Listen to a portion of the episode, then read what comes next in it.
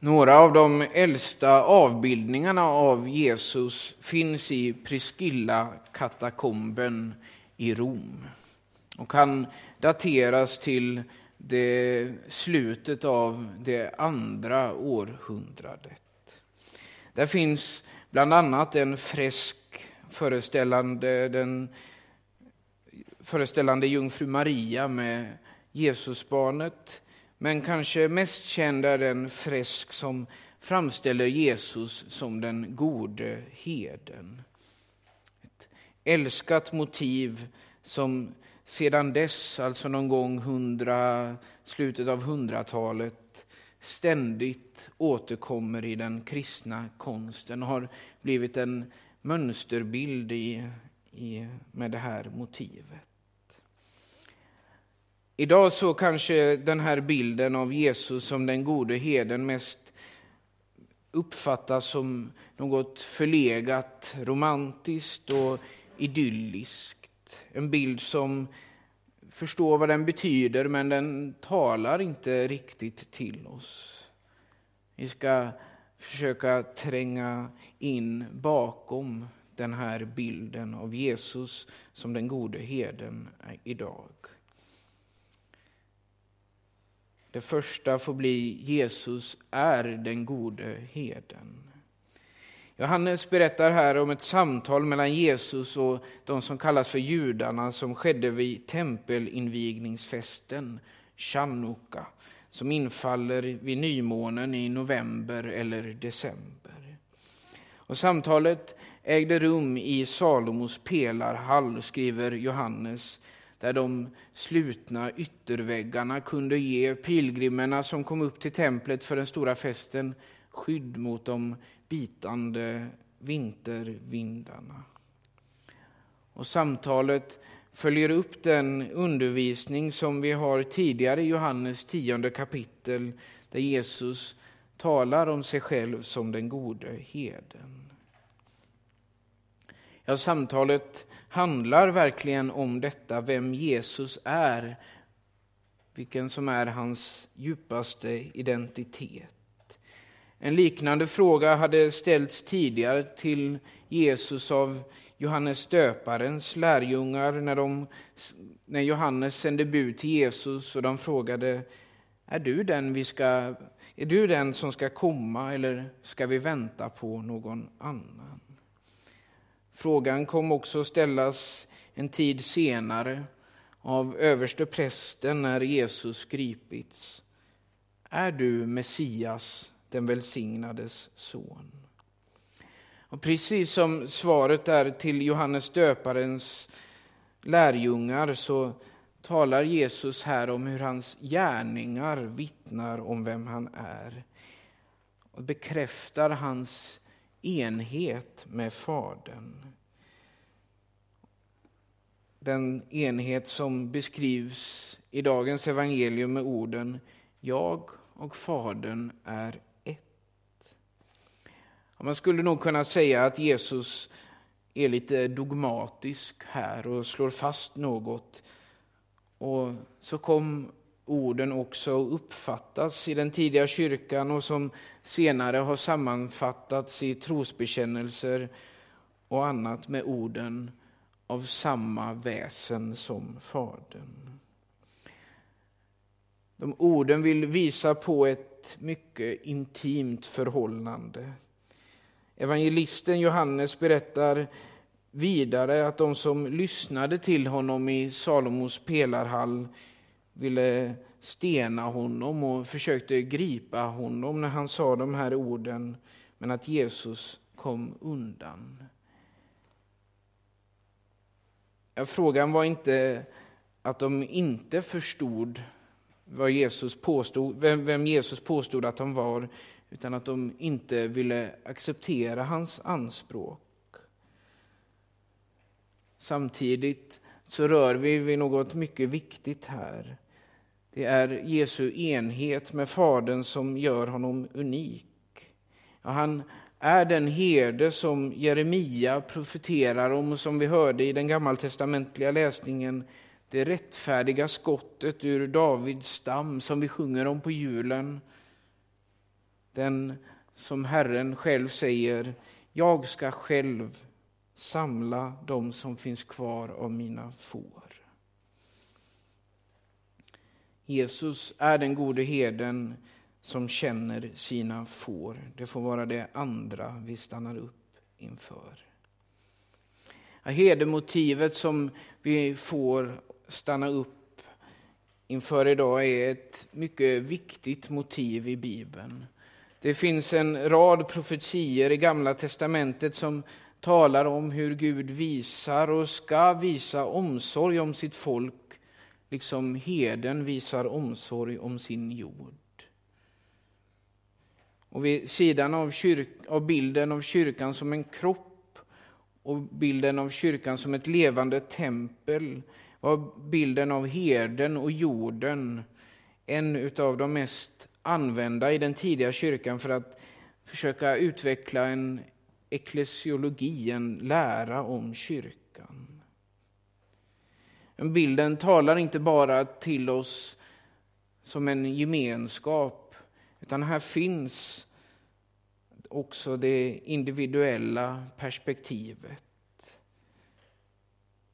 Som i Lukas 15 kapitel, det där hundrade fåret som är försvunnet, som heden märker och därför går efter att söka rätt på.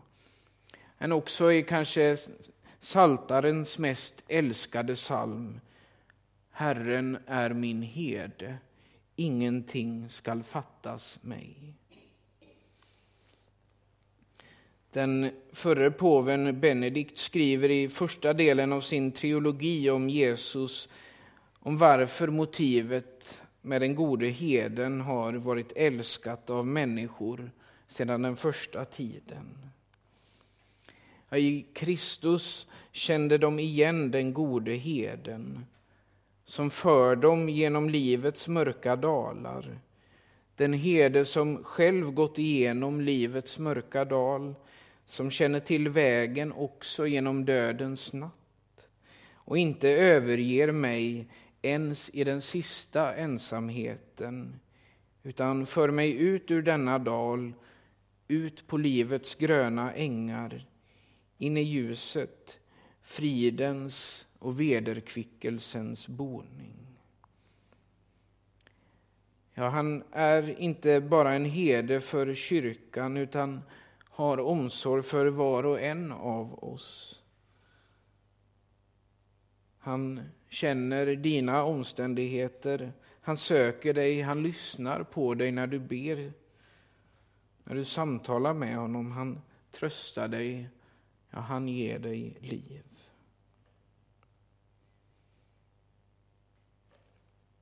Det tredje, Jesus kallar oss var och en att följa honom. Jesus är alltså den gode heden som känner sina får, som har omsorg om var och ett av fåren. Han ser aldrig mänskligheten som en stor massa, utan ser till varje individ. Benedikt igen.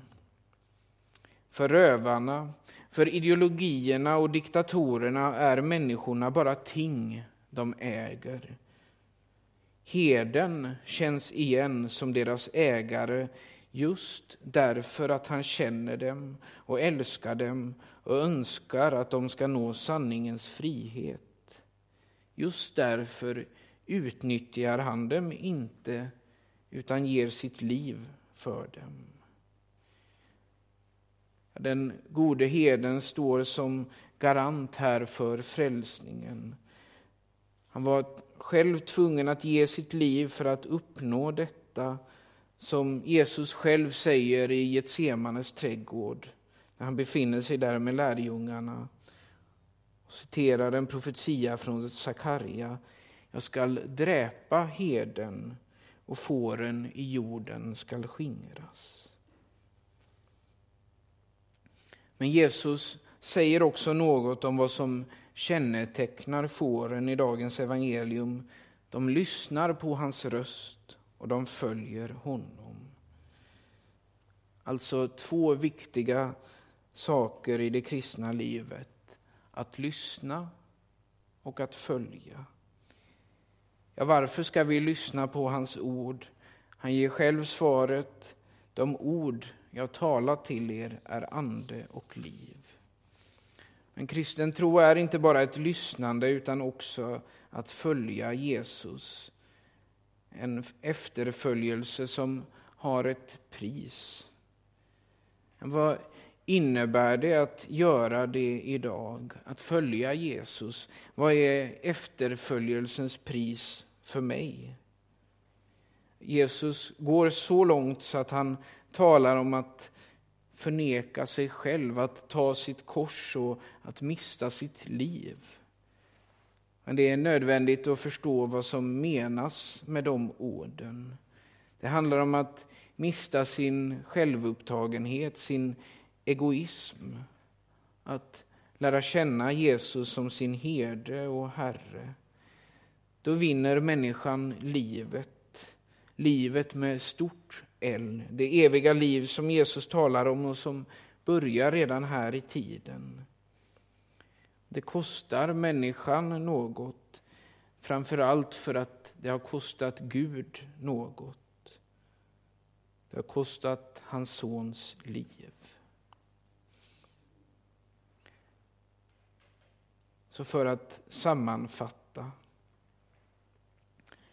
Två veckor efter påsk har lammet, Guds lamm som borttager världens synd, blivit heden.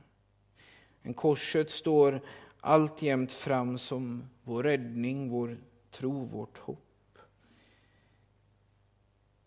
Att ta in detta perspektiv kan korstecknet vara en hjälp med.